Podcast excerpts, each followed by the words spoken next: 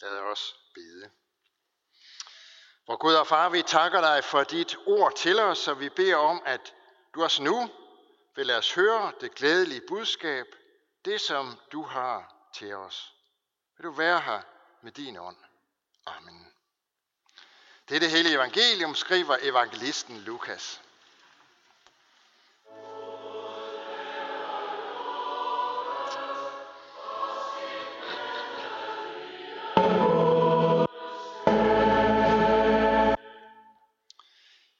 Jesus sagde til dem, således står der skrevet, Kristus skal lide og opstå fra de døde på den tredje dag, og, og i hans navn skal der prædikes omvendelse til søndernes forladelse for alle folkeslag. I skal begynde i Jerusalem, og I skal være vidner om alt dette. Og se, jeg sender det, min far har lovet jer, men bliv i byen, indtil I bliver iført kraft fra det høje. Han tog det med ud af byen, hen i nærheden af Betania, og løftede sine hænder og velsignede dem. I det han velsignede dem, skiltes han fra dem og blev båret op til himlen. De tilbad ham, og fyldt med glæde vendte de tilbage til Jerusalem. Og de var hele tiden i templet og lovpriste Gud. Amen. Det er afskedsfest, vi er med til i dag. Men det er ikke nogen almindelig afskedsfest. For det er sjældent, at øh, venner stråler af glæde, når de tager afsked med hinanden, og ved, at det er sidste gang, de ses. Sådan er det her. Det er Jesus, der tager afsked med sine disciple. Der er ingen sorg. Vi hører ikke om nogen, der græder eller er ked af det, eller noget af den stil. Tværtimod, så hører vi, at disciplerne, at de var fyldt af glæde. Fyldt af glæde. Hvorfor gør de det? Hvad betyder det? Det er det, vi skal se lidt nærmere på i dag.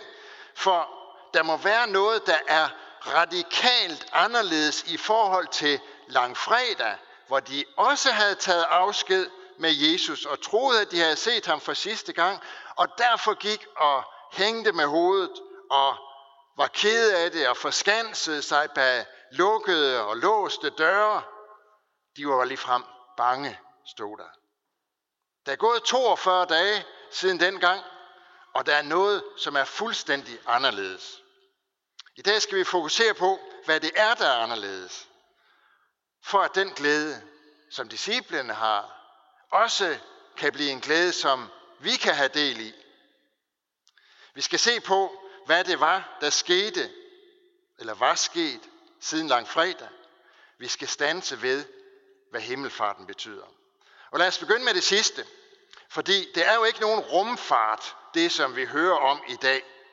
Det er ikke nogen sputning, der er på vej ud i, i rummet, eller noget af den stil. Nej, det er Jesus, som bliver båret op, løftet op til himlen, får vi forklaret.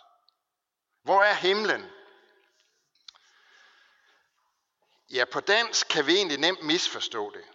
Som om Gud sidder på en sky et eller andet sted ude i det ydre rum. Måske var det derfor, at Yuri Gagarin, da han 12. april i 1961 blev den første mand i rummet og blev sendt i kredsløb om jorden med det russiske rumskib Vostok 1, så sendte han en besked tilbage til jorden og sagde, eller beskeden den lød, jeg ser ingen Gud herude eller heroppe. Det var der vel egentlig heller ikke nogen, der rigtig havde forestillet sig, at han skulle gøre. Selvom vi beder til vores far i himlen. Og i dag får forkyndt, at Jesus han altså bliver taget op til himlen. På engelsk, der har man, øh, der har man to ord for himmel. Heaven og sky. Sky, det er himlen, sådan som vi ser den med de lyse og de mørke skyer, den klare blå himmel, eller den helt overskyede himmel. Heaven, det er noget andet. Det er der, hvor Gud er. Da Jesus tog afsked med disciplene uden for Jerusalem og blev løftet op til himlen, så blev han taget derop, hvor Gud er. Der, hvor Guds trone er. Og hvor det sådan er rent geografisk, det ved vi ikke. Mås, måske fordi det handler om en anden dimension, som vi slet ikke forstår. I øh, 1884 der skrev Edwin A. Abbott under pseudonymet A. Squire, der skrev han en lille historie, som illustrerer, at vi mennesker ikke nødvendigvis øh, forstår alle dimensioner ved livet. Historien den handler om, om fladland. Og der er en figur, som lever i der i en todimensionel verden. Den todimensionelle, bevægelige, geometriske figurer og former. Der er trekanter, der er firekanter, der er pentagoner, der er simpelthen også cirkler. Men alle sammen er de helt flade. Så sker der det, at hen mod slutningen af historien, på den første dag i år 2000, der passerer der en kugleformet skabning fra det tredimensionelle Spaceland. Den passerer gennem fladland. Det er jo en revolution, og det åbner hovedpersonens øjne for, at verden har flere dimensioner, end han regner med. Jeg tænker, måske kan vi allerbedst forestille os Guds verden ved at tænke, at der, er, der kan være en fjerde dimension. Vi er vant til at regne med højden og længden og bredden.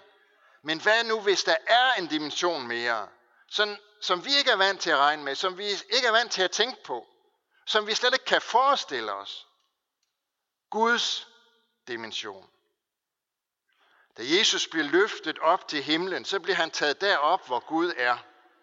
Og det gjorde han, fordi han nu havde fuldført sin gerning på jorden. Han havde gjort det, han skulle. Han havde fuldbragt værket.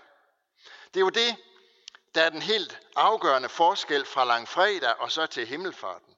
At Jesus har, nu har vundet sejren. Han har besejret døden. Han har for altid vist sin magt over djævlen. Han har gjort det, der skulle til for at redde mennesker. Han har gjort det for os. Han har fuldbragt frelsens værk. Det var, det var jo det, som hans disciple havde forstået. De forstod det ikke først, men i løbet af de her 40 dage, der var gået fra opstandelsen, hvor de havde mødt ham nogle gange, der havde de forstået det. Sådan lidt efter lidt var det gået op for dem. Og derfor kunne de nu være glade, da Jesus blev løftet op til himlen. Men hvad betyder det så helt, sådan, helt konkret? Hvad betyder det for dem og for os, at Jesus blev taget op til Gud? Ja, det betyder i hvert fald, at han nu kan være alle steder på én gang.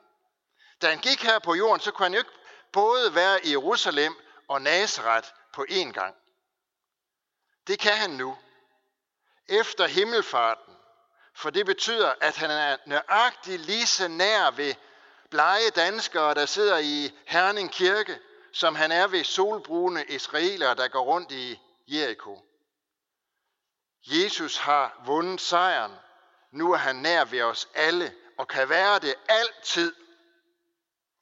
Det skal forkyndes, og I skal være mine vidner, siger Jesus.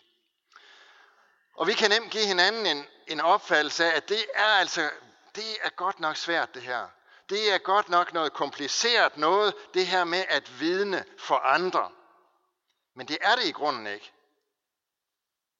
At vidne, det er at fortælle, hvad man ved. Hverken mere eller mindre. Vi skal ikke selv opdigte noget eller gøre det mere dramatisk eller noget i den stil.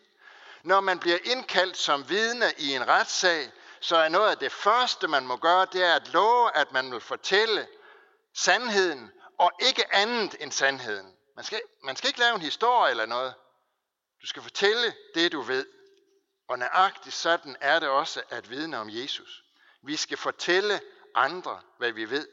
Det vi selv har hørt, set, oplevet i vores liv. Det skal vi fortælle til børn, til familier, til naboer, til arbejdskammerater, skolekammerater, eller hvem det er. Sådan er det for de fleste af os. I skal begynde i Jerusalem, sagde Jesus til sine disciple. Altså til dem, som I er iblandt. Så er der nogen, der skal rejse ud og forkynde for andre folkeslag. Men de fleste af os skal gøre det der, hvor vi er. Og det handler ikke om et system eller en bestemt teknik eller noget i den stil. Det handler simpelthen om at fortælle, hvad vi selv har hørt og set og oplevet med Jesus. Det er faktisk det, det drejer sig om, når vi taler om at være disciple, og dermed også være vidne.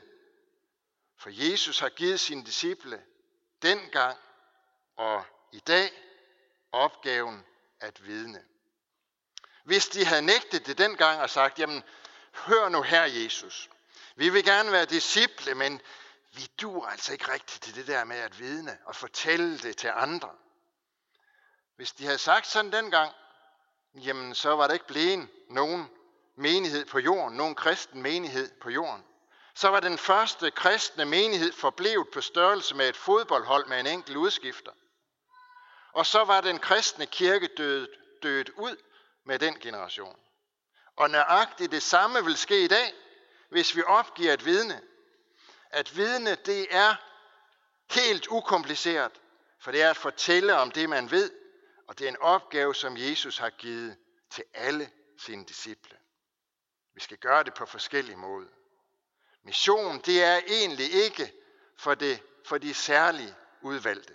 Mission, det er at tage opgaven på sig, at fortælle det, man ved om Guds frelse.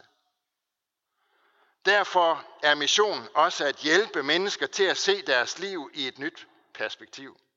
Det er faktisk det, det handler om, når Jesus han siger, at i hans navn skal der prædikes omvendelse. Og det ord, det er jo forbundet med mange følelser. Måske også med en bestemt tradition. Men det er faktisk Jesus, der siger det.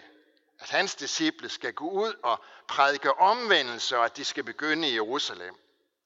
Det siger Jesus, fordi han ved, at vi alle sammen har brug for omvendelse. Omvendelse, jamen det er jo det at vende om. Og det gør vi egentlig alle sammen hver eneste dag jo. Det er ikke sikkert, at det sker sådan dramatisk, at vi kommer til et bestemt punkt, og så vender vi om, drejer rundt og går den anden vej. De fleste gange, der foregår det jo helt naturligt, uden at vi næsten uh, lægger mærke til det eller opdager det. Vi tager afsted på arbejde, i skole eller et andet sted, og på et tidspunkt, jamen så vender vi om, så tager vi hjem igen. Sådan er det også med den omvendelse, som Jesus taler om. Det behøver ikke at være noget drastisk, men det handler om at blive vendt den rigtige vej. Hvis man går en tur ved stranden, så er man nødt til på et tidspunkt at begynde at tænke på, at man skal have vendt om for at komme hjem. Og indimellem så hører vi i radioen om mennesker, som ikke kan finde ud af det. Måske er det senil demens, der spiller ind, eller noget andet. I hvert fald så kan de ikke finde ud af at, at, at vende om, og så kommer de ikke hjem, og så bliver de efterlyst i radioen. Jamen det er jo netop det, som Jesus taler om i et større perspektiv, at hvis vi vil hjem, altså hjem til himlen, hjem til det sted, hvor Gud er, så er det nødvendigt, at vi vender om. Hvad er det så, vi skal vende om til? Og det fortæller Jesus os også. Det skal prædikes omvendelse til søndernes forladelse, siger han. Hvad er søndernes forladelse? Er det sådan en form for, øh, man kunne sige, sådan en form for hvid maling, som Jesus maler de sorte pletter i vores liv over med? Nej, det er det ikke. For en hel del år siden, der var jeg på en studietur til Letland, og jeg boede på værelse sammen med en af mine gode venner, som havde sukkersyge. Og noget af det første, han sagde til mig, da vi blev indkvarteret, det var, hvordan jeg skulle hjælpe ham, hvis der gik et eller andet galt med hans sukkersyge. Det kunne nemlig gå sådan, at han fik behov for ekstra insulin, hvis han havde spist for meget sukker. Men, og det var sådan set det, jeg lærte på den tur, det var ikke nok, at han fik insulin, når hans krop fortalte ham, at nu havde han brug for det. Nej, for at hans liv kunne fungere, og han kunne leve en nogenlunde normal tilværelse, så måtte han hver dag, hver morgen, tage en sprøjte med insulin, som skulle nedbryde sukkeret i hans krop. Hvis der var bare én dag, hvor han ville springe over, ja, så ville han hurtigt komme til at mærke det. Og det er sådan set på akkurat samme måde med søndernes forladelse. Ofte så tænker vi, at syndsforladelse, det er noget, vi har brug for, når vi har gjort et eller andet forkert. Hvis vi på en eller anden måde er kommet til at sige noget, som måske ikke er helt rigtigt, eller tage et eller andet, som egentlig ikke tilhørte os, eller hvad det nu kan være, så har vi brug for søndernes forladelse. Så må vi komme, og så må vi bede om det, og så må vi få det. Og det er jo heller ikke forkert, at det er sådan. Det er bare ikke hele sandheden. Alle mennesker har brug for søndernes forladelse. Hver eneste dag. Ligesom et menneske med sukkersyge indimellem har brug for ekstra insulin. Sådan så har vi også brug for at bede om søndernes forladelse for helt konkrete ting og situationer i vores liv. Men det er ikke det hele. Ligesom et menneske med sukkersyge må have insulin hver eneste dag for at være frisk. Sådan må vi hver eneste dag tage imod søndernes forladelse for at leve som Jesu disciple og som kristne her i verden. Og det er så det, der bliver forkyndt for os i dag, og som Jesus siger skal forkyndes for alle folkeslag, at det er muligt for alle mennesker at få søndernes forladelse hver eneste dag, fordi Jesus er til stede alle steder. Og derfor er han også her hos os i dag, når vi fejrer gudstjeneste i Herning Kirke. Han er her, uden at vi kan se ham. Det var disciplenes glæde. Derfor kunne de holde afskedsfest uden sorg. Og det må også være den glæde, som vi tager med fra gudstjenesten i dag, og som vi lever i. At Jesus er med os, og han rækker os søndernes forladelse. Amen.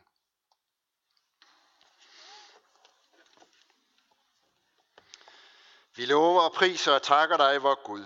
Far, søn og helligånd, du som var, er og bliver en sand i Gud, højlovet fra første begyndelse nu og i al evighed. Vi takker dig for dit ord til os, for din kirke på jorden. Vi beder for din menighed her ved Herning Kirke. Lad ordet bære frugt, bevare os i troen på dig og forny os i håbet om dit komme. Vi beder for alle, der har et ansvar inden for vores kirke, for menighedsråd, provst og biskop, led dem og os alle, så vi handler i troskab mod dit ord og vores kirkes bekendelse. Vi beder og kalder den, du der tro tjenere og forkynder dit ord. Og vi beder for alle, der går med dit ord, både her hjemme og i det fremmede. Styrk du dem, hold din hånd over dem, og lad deres gerning bære frugt. Og udrust du også os til at være vidner for dig. Giv os mod til det. Vi beder for børnene, som døbes, at de må blive oplært i en kristne tro. Kald vores børn og unge ind på troens vej. Beskærm dem mod alle ødelæggende kræfter. Vi beder for alt sandt folkeligt og kirkeligt arbejde. Vi beder for det kirkelige børnearbejde. Udrust du lederne og velsign du det. Vi beder for vores hjem, vores kære. Velsign både ægte folk og enlige til at leve efter din vilje og gode ordning. Vi beder for alle, der er sat til at styre vort land, for vores dronning og hele hendes hus, for regering og folketing, for alle, der er betroet ansvar i stat, region og kommune. Led dem, så de forvalter deres ansvar ret. Vær nær hos de danske soldater, som er udsendt, og alle, som gør tjeneste for fred og retfærdighed i verden. Hjælp og styrk dem i deres gerning, og vær nær hos deres kære, som må bære bekymringens byrde. Vi takker dig for livet, og vi beder dig lære os at værne om det, fra de ufødte børn til de gamle og døende.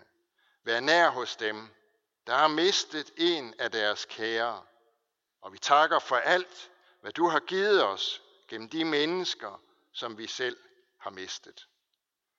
Vi beder dig også om, at du vil være nær hos alle, som er ensomme, være med de syge, de som er i fængsel, de som ikke har noget sted at være, Lær os at kende vort ansvar for dem, der lider nød. Alle disse bønder overgiver vi til dig, Herre, og så takker vi dig, fordi vi ved, at du allerede har hørt vores bøn. Amen.